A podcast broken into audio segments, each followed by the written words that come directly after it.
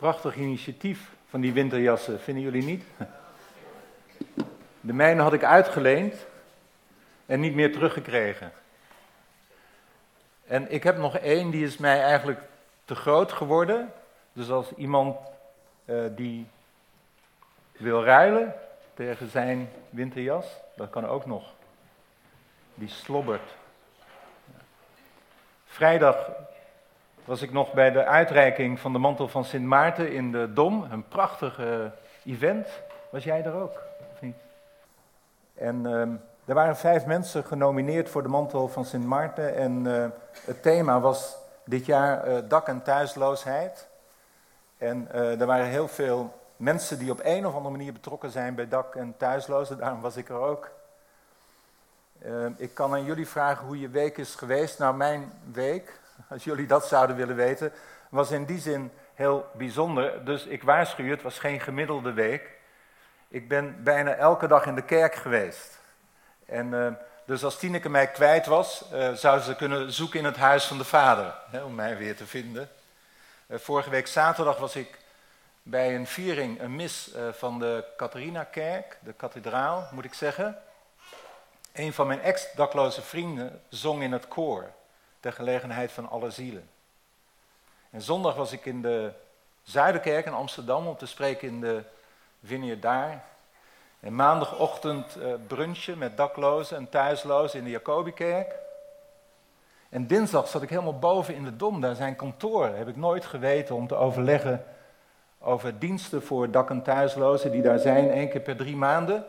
En we hebben het afgelopen jaar uh, geëvalueerd en we hebben vooruitgekeken naar het komend jaar. Uh, prachtige plek daar.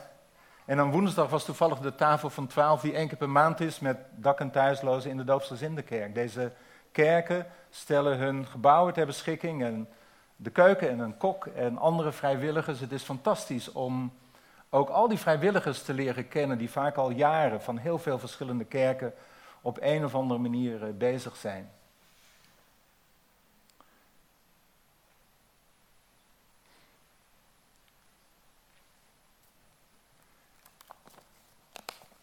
Kijken wat ik heb opgeschreven.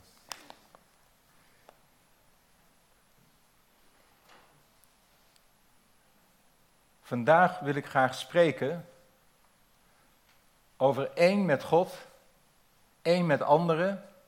En dan gebruik ik een Engelse term, belonging, over horen bij. En ik wil graag beginnen met een vraag aan jullie.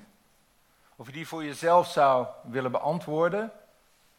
Uh, welke ervaringen heb jij met kerk zijn, met gemeente van Jezus zijn?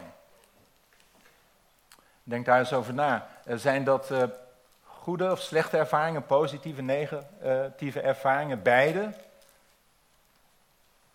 Bij hoeveel kerken heb je tot nu toe in je leven gehoord? Wie biedt één? Wie heeft alleen bij deze kerk gehoord, Vineyard Utrecht? Wie biedt er twee? Aantal mensen, wie biedt er drie? Wie biedt er meer?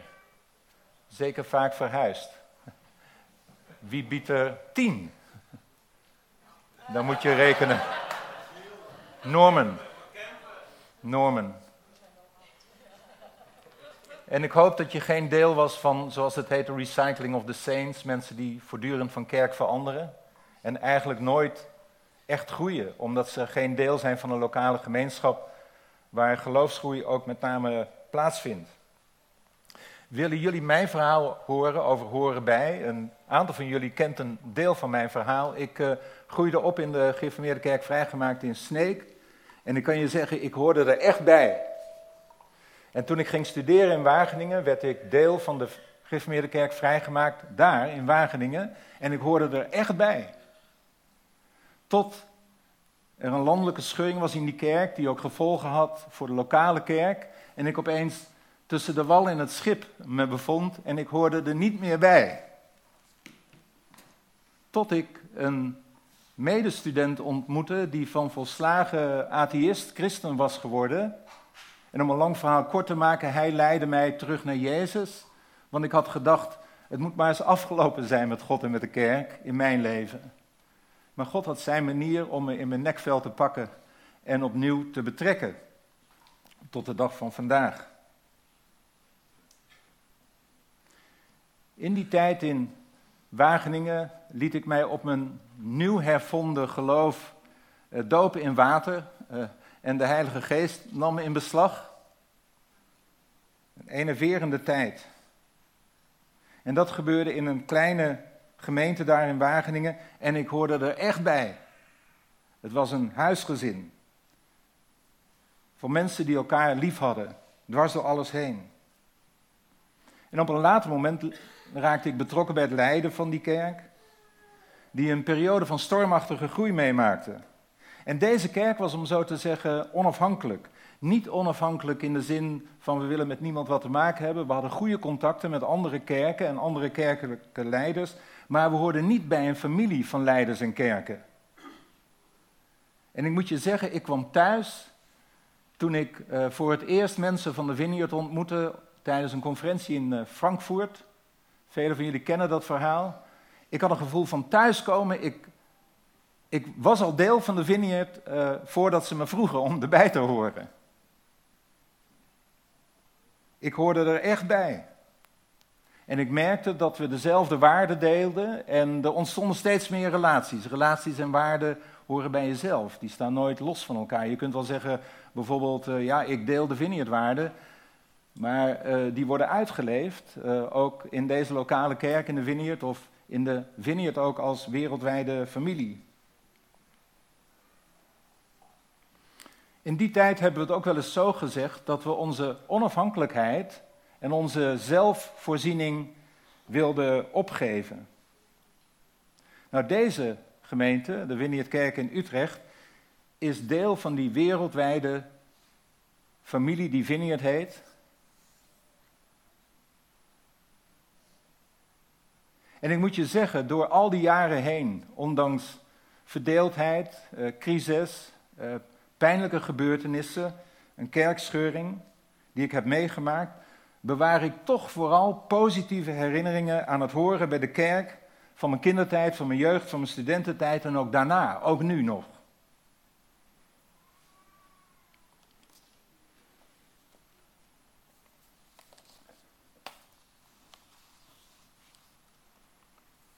Paulus schrijft in zijn brief aan de gemeente in Korinthe dat de kerk is als een lichaam.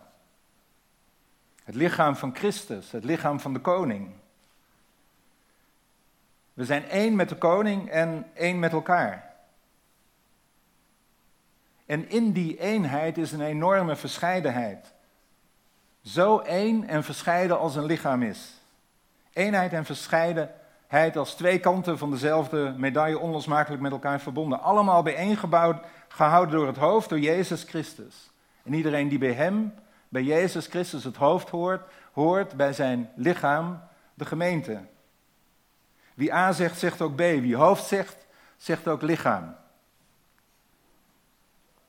En deze kerk, zijn lichaam, is geen exclusieve club van insiders, van ingewijden, waar anderen worden buitengesloten. Het is een inclusief lichaam waar outsiders, buitenstaanders bij kunnen gaan horen, worden uitgenodigd. Het is geen papieren lichaam met papieren leden, maar een levend lichaam met levende leden. Leden die deel zijn van wat God aan het doen is. En in zo'n lichaam word je gekend en ken je anderen. Groei je naar het hoofd toe en naar elkaar toe door erbij te horen, dwars door alles heen. Ook door negatieve ervaringen. Er is geen groei zonder pijn.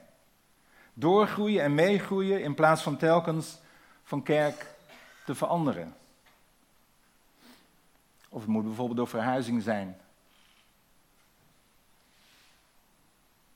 En dat lichaam is een realiteit op verschillende manieren. Behalve bij deze lokale kerk, Vineyard Utrecht, horen wij, zoals ik al zei, bij de wereldwijde familie van leiders en kerken die Vineyard zijn. We horen ook bij de kerk van Jezus in deze stad, in Utrecht. En we horen bij de kerk van Jezus Christus in dit land, in Nederland. En we horen ook bij de wereldwijde kerk en bij de kerk door alle plaatsen en tijden en eeuwen heen. Dat wordt wel eens de universele kerk genoemd. Sommige mensen hebben de neiging om te kiezen. Ik hoor wel bij de kerk in de stad, zonder dat ze echt deel zijn van een van de lokale kerken. Maar het is allemaal tegelijk. En dat is eigenlijk een heel wonderlijk mysterie, omdat je zou denken dat kan toch niet allemaal tegelijk. Maar dat kan. Het is de realiteit. Sinds de kerk van Jezus Christus bijna 2000 jaar ontstond, op de eerste Pinksterdag, gingen mensen bij Jezus Christus horen, ze lieten zich dopen en hoorden vervolgens ook bij de kerk van Jezus Christus. Nou, als het gaat over horen bij Jezus en horen bij de kerk, gaat het ook over geloof uh, en gedrag. Over groeien naar volwassenheid. Iemand heeft, dat is genoemd, belong, believe, behave. Dat zijn alle drie, drie be-woorden. Het gaat over wie je bent. Leuk hè, als je believe vertaalt, dan staat er wees lief.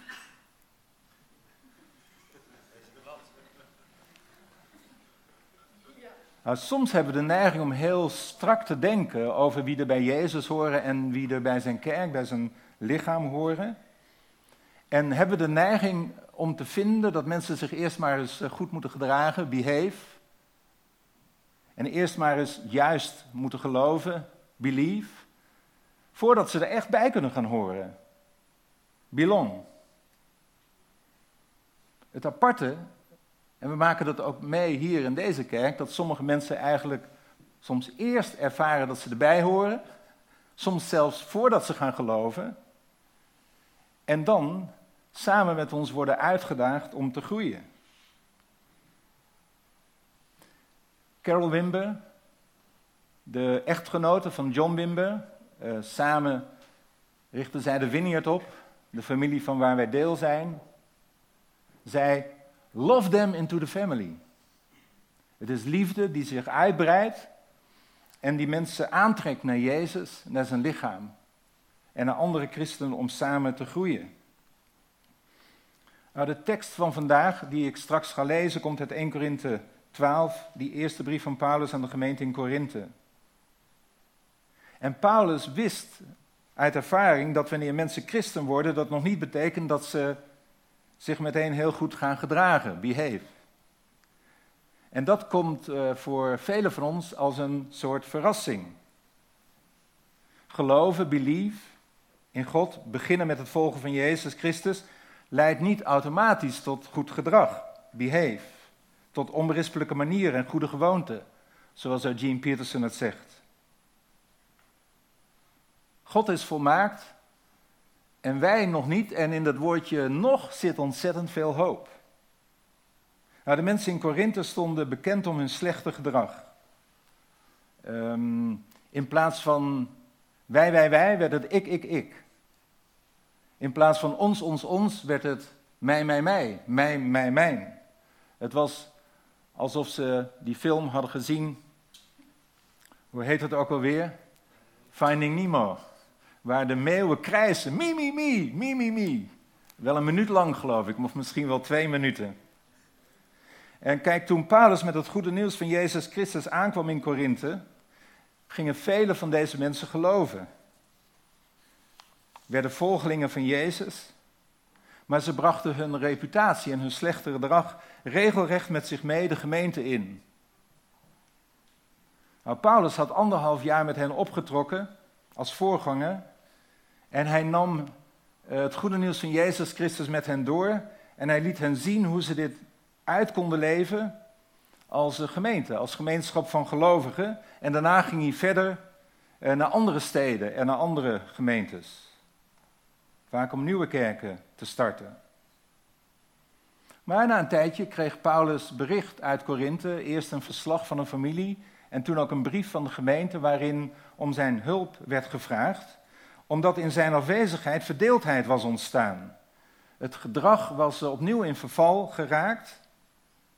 Het werd weer ik in plaats van mij, mijn in plaats van onze. Nou, die eerste brief van Paulus aan de gemeente in Korinthe is een eh, klassiek voorbeeld van een pastorale reactie. Paulus reageerde liefdevol, geduldig en soms ook ferm. Paulus was zo overtuigd dat God onder ons geopenbaard wordt in Jezus en tegenwoordig is door zijn Heilige Geest, dat hij door wil gaan met het centrum van onze levens te zijn. En hoe groot de puinhoop is die zij ervan hebben gemaakt, Paulus verwerpt hen niet als broeder en zuster christenen, gooit het er niet uit vanwege hun slechte gedrag, je hoort niet meer bij de club. Hij verliest zich niet in een scheldkanonade over hun onverantwoordelijk gedrag. Hij laat het allemaal min of meer over zich heen komen, maar neemt hen ook bij de hand. Hij neemt het oorspronkelijke fundament opnieuw met hen door. En leidt hen in het uitwerken van de reddende liefde van God in hun liefde voor elkaar. Op een manier zodat de gemeente in Korinthe na een goede start door crisis en verdeeldheid weer op de goede weg is. Nou, als het gaat over één met God, één met anderen, over belonging en believing en behaving, is heel 1 Korinthe 12 als hoofdstuk bijzonder interessant. Ook vanwege de tijd beperken we ons tot 1 Korinthe 12, vers 12 tot 27. En ik wil het graag voor jullie lezen in de Bijbel in gewone taal. Het menselijk lichaam is één geheel, maar het bestaat uit veel delen. En al die verschillende delen vormen samen dat ene lichaam. Net zo vormen wij samen één lichaam, want we horen allemaal bij Christus. We zijn allemaal gedoopt. We hebben allemaal die ene Heilige Geest gekregen. Dat geldt voor Joden en niet-Joden, voor slaven en voor vrije mensen. We vormen samen één geheel. Eén lichaam bestaat niet uit één deel, maar uit veel verschillende delen. Stel dat de voet zegt: Jammer, ik hoor niet bij het lichaam, want ik ben geen hand. Dat kan de voet wel zeggen, maar een voet hoort toch echt bij het lichaam. Of stel dat het oor zegt: Jammer, ik hoor niet bij het lichaam, want ik ben geen oog. Dat kan het oor wel zeggen, maar het hoort toch echt bij het lichaam. Als het hele lichaam alleen maar uit ogen bestond, dan zouden we niet kunnen horen. En als het hele lichaam alleen maar uit oren bestond, dan zouden we niet kunnen ruiken. God heeft elk deel van het lichaam een eigen taak gegeven, precies zoals Hij dat wilde. Een lichaam bestaat uit veel delen en al die delen zijn verschillend. Want als ze allemaal hetzelfde waren, zouden ze nooit met elkaar één lichaam kunnen vormen. Het oog kan niet zeggen tegen de hand, ik heb je niet nodig. En het hoofd kan niet zeggen tegen de voeten, ik heb je niet nodig. Nee, natuurlijk niet. Sommige delen van het lichaam lijken minder belangrijk, maar we hebben ze toch echt nodig. Ons lichaam heeft ook delen waarvoor we ons schamen en delen waarmee we onze behoeften doen. Maar juist voor die delen zorgen we extra goed en we bedekken ze zorgvuldig met kleding. De delen van het lichaam waar we trots op zijn, hebben die extra zorg niet nodig. We zorgen dus extra goed voor die delen van ons lichaam die dat nodig hebben. God heeft het zo gewild toen hij de mens maakte.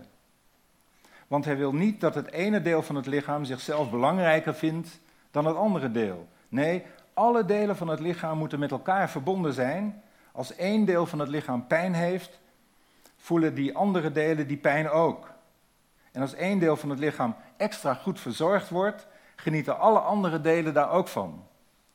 Zo is het ook met jullie. Jullie vormen samen één kerk. Ieder van jullie hoort erbij. Want jullie horen allemaal bij Christus. Tot zover Paulus in 1 Korinthe 12. Heer, dank u dat u in liefde met ons omgaat. Wij horen bij u en bij elkaar.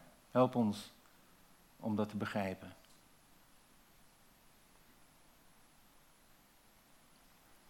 we hebben gelezen dat Paulus in 1 Korinthe 12 een van zijn favoriete metaforen gebruikt, dat van een lichaam. En iemand heeft over dit gedeelte gezegd, kijk, we kunnen nu wel bijvoorbeeld de metafoor van een orkest gebruiken en dat is een prachtige metafoor. Maar de metafoor is er al. Dus met een andere metafoor komen, zoals de Engelsen dat vrij vertaalt, sterkte Shirley, zouden, die vertaalt namelijk, noemen dat de lelie vergulden. En dat is niet nodig. Daarom is het goed om meteen tot de kern te komen. Het punt dat Paulus wil maken. Toch is het punt wat Paulus hier maakt vaak niet het punt wat wij denken te maken, op te maken uit 1 Korinthe 12, wanneer we lezen wat Paulus zegt over de voet en de hand, het oor en het oog. Wij denken vaak dat het belangrijkste dat hij wil zeggen is dat we allemaal gaven hebben ontvangen en dat we die moeten bijdragen aan het leven van de gemeente. En in het bijzonder dat niemand van ons moet neerkijken op anderen, omdat zij niet diezelfde bijzondere gaven hebben als wij. Vaak wordt ervan uitgegaan dat Paulus simpel een plaatje, teken schetst van de gemeente als een plek waar ieder lid iets belangrijks heeft bij te dragen. En in zeker opzicht is dat ook zo. Maar wat Paulus hier zegt over horen bij, over belonging, gaat veel verder. En de vraag voor ons vandaag is: wat betekent het in een cultuur van ik, ik, ik, mij, mij, mij, mij, mij, mijn, om één met God en één met elkaar te zijn, om te belongen? Ik heb vier punten uit dit gedeelte die ik kort met jullie wil langslopen. Eén met God, één met de andere belonging betekent dat wij horen bij het ene lichaam van de nieuwe mensheid. Dat we horen bij het ene lichaam van de Messias. Dat we horen bij het ene lichaam door de Heilige Geest. En dat we horen bij dat ene lichaam met elkaar. Goed. We horen bij het ene lichaam van de nieuwe mensheid. De keuze van Paulus voor het ene lichaam is geen willekeurige metafoor. Hij schrijft als een Joods denker tegen de achtergrond van de schepping, Genesis 1 en 2. Voor Paulus is dat God een nieuwe, echte mensheid schept in en door de Messias ontzettend belangrijk. Zo niet het allerbelangrijkst. En Paulus kiest voor de metafoor van het menselijk lichaam om die diepe betekenis te uiten. Het betekent dat wat zij, wij die in de Messias geloven, believe, nu geworden zijn, belong, en hoe we ons zouden kunnen, mogen, moeten gedragen, hoe we zouden kunnen leven, behave. Nou, Paulus moet hebben geweten dat in zijn tijd vele denkers ook de metafoor van het lichaam gebruikten voor de burgerlijke samenleving. Uh, bijvoorbeeld voor het keizerrijk met de keizer aan het hoofd en uh, de burgers in het lichaam die in wisselwerking met elkaar stonden en samen de wil van de keizer probeerden uit te voeren. Kijk, als Paulus hier nu komt met die metafoor, laat hij eigenlijk uh, de melodie dansen op een andere muziek. De muziek van het koninkrijk van God. En christenen in die tijd, als ze één ding zeker wisten, dat was als ze Jezus gingen volgen, dan zwoeren ze de keizer als hoofd af en hadden ze een nieuw hoofd. Jezus Christus die aan het hoofd stond van een nieuwe mensheid. Die trouw verschuldigd zijn loyaliteit aan Hem alleen. En Paulus, die, die ook in 1 Korinthe 14, een van de hoofdstukken die na 12 volgt, maakt duidelijk wat het ook in de praktijk kan betekenen van het samenkomen. En oppervlakkig gezien zou je zeggen dat het alles te maken heeft met het gevaar dat de ene christen op de andere neerkijkt. Maar zijn bedoeling is juist om te spreken over dat soort problemen in zijn hele visie op Jezus Christus en zijn lichaam als nieuwe mensheid. Dus deze gemeente, ook deze gemeente, is een plek waar we samen leren hoe we Gods echte nieuwe mensen kunnen zijn. Waar we God aanbidden en dienen en zijn beeld reflecteren in deze wereld. bij de gemeente horen is bij de Messias horen. Hem vertegenwoordigen in de wereld om ons heen, waar we, zoals ik het wel vaker heb gezegd, wonen, werken, winkelen, wetenschap bedrijven en andere wees. 24-7. En ook om anderen aan te raken met wie Jezus is. Uh, de onaanraakbare.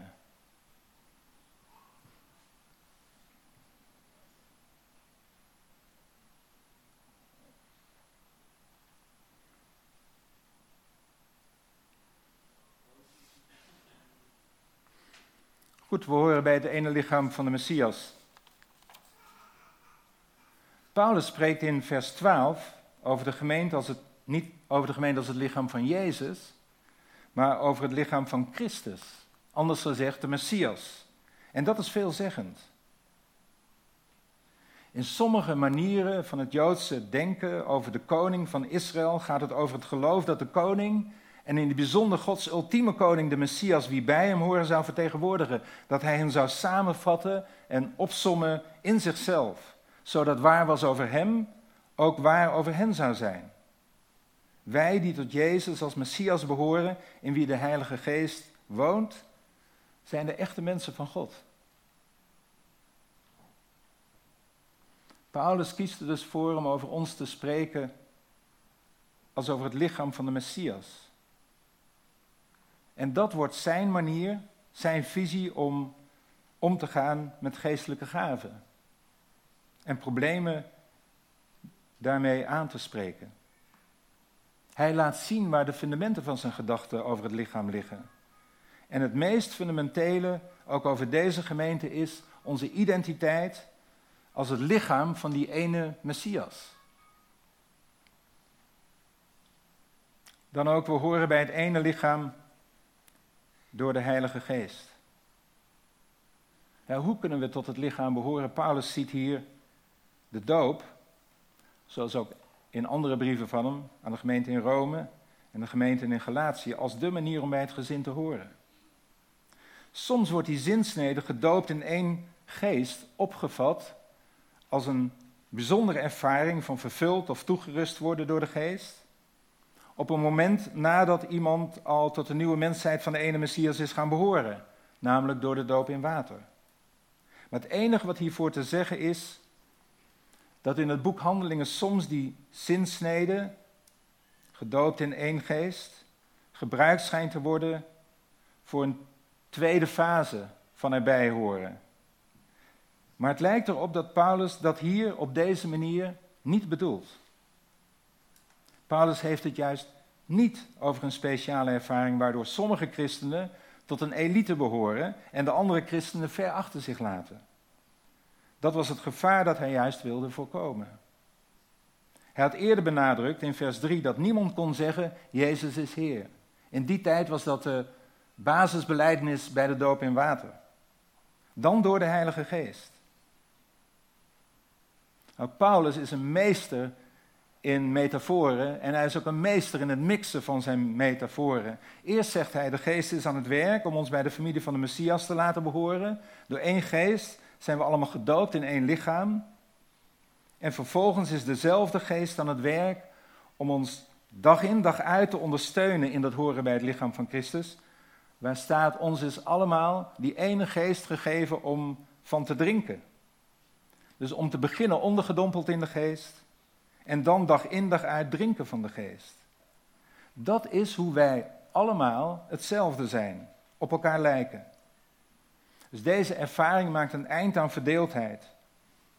De grote sociale verdeeldheid van de tijd van Paulus, eh, Jood en Grieks vrij, en ook aan de grote sociale verdeeldheid in onze eigen tijd, in de gemeente en de wereld om ons heen. En dan belonging betekent ook, we horen bij het ene lichaam met elkaar. Ben je ooit wakker geworden met uh, kiespijn? Wie heeft die akelige gebeurtenis wel eens meegemaakt? Dan hoef ik jou er niet aan te herinneren hoe vervelend het is. Nou, je kunt wat pijnstillers nemen, maar vaak helpen die niet met één. Je kunt door het huis gaan ijsberen in de hoop dat door de beweging van de rest van je lichaam de pijn vanzelf zal overgaan. Of je kunt een spannend boek pakken in de hoop dat als je daardoor gepakt wordt, eh, dat je de pijn zult vergeten. Maar je weet al niet eens meer de titel van het boek door de pijn. En wanneer de pijnstillers eindelijk beginnen te werken en je weer in slaap valt, is het alsof je hele lichaam, en niet alleen die ellendige kies, een enorme zucht van opluchting heeft geslaakt. Dat bedoelde Paulus toen hij zei: Als één lid lijdt, lijden alle leden mee.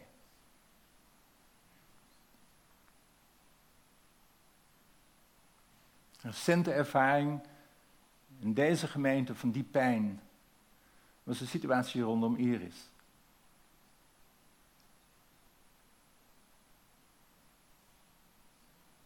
En Paulus heeft het ook over positieve voorbeelden, dat sommige leden zoveel goede zorg ontvangen, daar zijn ze zo blij mee, dat dat effect heeft op de rest eh, van het lichaam. Kijk, wanneer je muziek luistert, geniet je oor. Maar het lijkt alsof je hele wezen erdoor wordt geraakt. Je gezicht geniet van de warme zonnestralen, maar het lijkt alsof het doordringt tot je hele lichaam. Mooie zonnige dag vandaag. En ga zo maar door. Zo is horen bij. Gedeelde smart is halve smart en gedeelde vreugde is dubbele vreugd. En misschien wordt het nog wel door meer gedeeld en met meer vermenigvuldigd. Pijn door twee delen, plezier met twee vermenigvuldigen. Nou, Paulus maakt daarmee duidelijk dat ieder lid dat tot het gezin behoort even waardevol is als alle andere leden. En door dit te doen, hij gebruikt de metafoor van het lichaam dat bekend was in de oude wereld, laat hij de metafoor een hele nieuwe rol vervullen.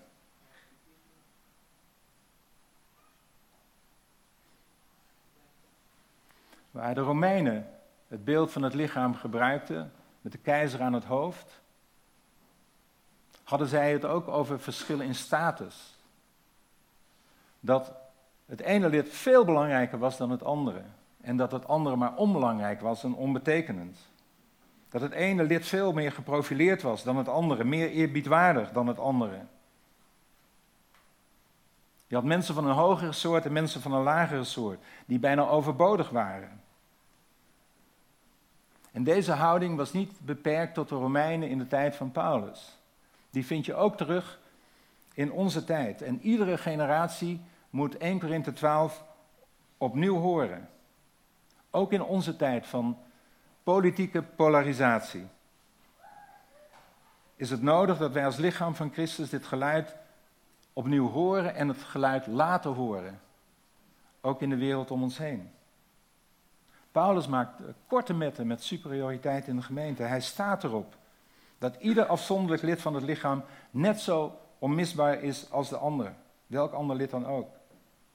Het ene lid mag nooit tegen het andere zeggen: Ik heb jou niet nodig. Hij laat geen ruimte voor sociale, culturele, geestelijke elite. Of voor snobisme in de kerk. En Paulus heeft daarbij het lokale gemeenteleven in gedachten. Hij wil dat iedere christen in de gemeente iedere andere christen waardeert. En voor hem of haar zorgt. Net als de hand de gewonde voet verbindt of de voet zich haast om de gewonde hand naar het ziekenhuis te brengen. Dit blijft ontzettend belangrijk in iedere gemeenschap van gelovigen, van christenen. Lokale kerk, deze kerk, de Vineyard-familie waar we toe behoren. De kerk in deze stad, de kerk in dit land en de kerk in de hele wereld. Nu is het zo dat door alle multimedia wij veel meer weten over de wereldwijde kerk dan welke generatie voor ons ook. En dat betekent dus ook dat ons horen bij de lokale kerk, bij deze kerk, Winneert Utrecht, betekent waar wij elkaar bijna elke zondag zien, betekent dat we niet alleen oog hebben voor elkaar, maar ook oog voor wat wereldwijd leidt en wat wereldwijd plezier heeft. Laten we afsluiten en samenvatten. Onze vraag was: hoe kunnen we in een tijd van ik, ik, ik, mij, mij, mij, mij, mij, mijn, één met God en één met elkaar zijn?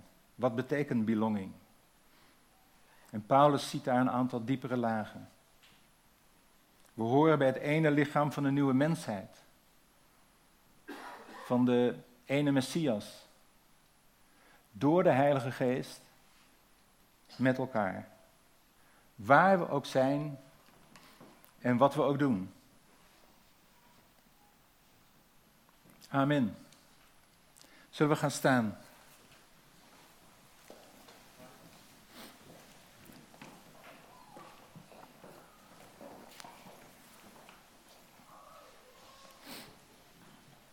De vraag in ieder van ons is of we, voor zover dat nog aanwezig is, onze onafhankelijkheid en zelfvoorziening willen opgeven. En Jezus, de Messias, willen volgen. Als je nog niet gedoopt bent of je je wil laten dopen, bij deze gemeente horen, deel zijn van wat God aan het doen is, in en door deze gemeente, voor het eerst of opnieuw. Het goede nieuws is dat de Vader in zijn enorme liefde voor je ergens een plek heeft in een van de lokale kerken. Dus als je hier vandaag een keer te gast bent en je behoort tot een andere lokale kerk, mag de Heer je daar zegenen. Om deel te zijn van wat God doet. Nou, voordat we gaan bidden, belonging betekent ook wees verlangend. En dat is heel belangrijk, dat de Heilige Geest ons verlangen aanraakt om werkelijk bij Jezus te horen en bij zijn kerk te horen.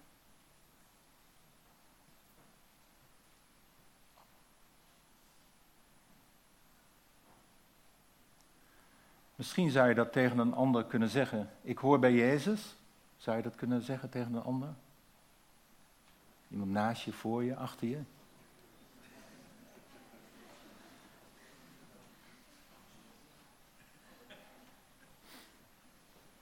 En zou je ook kunnen zeggen, ik hoor bij jou. Tegen dezelfde persoon of een andere persoon.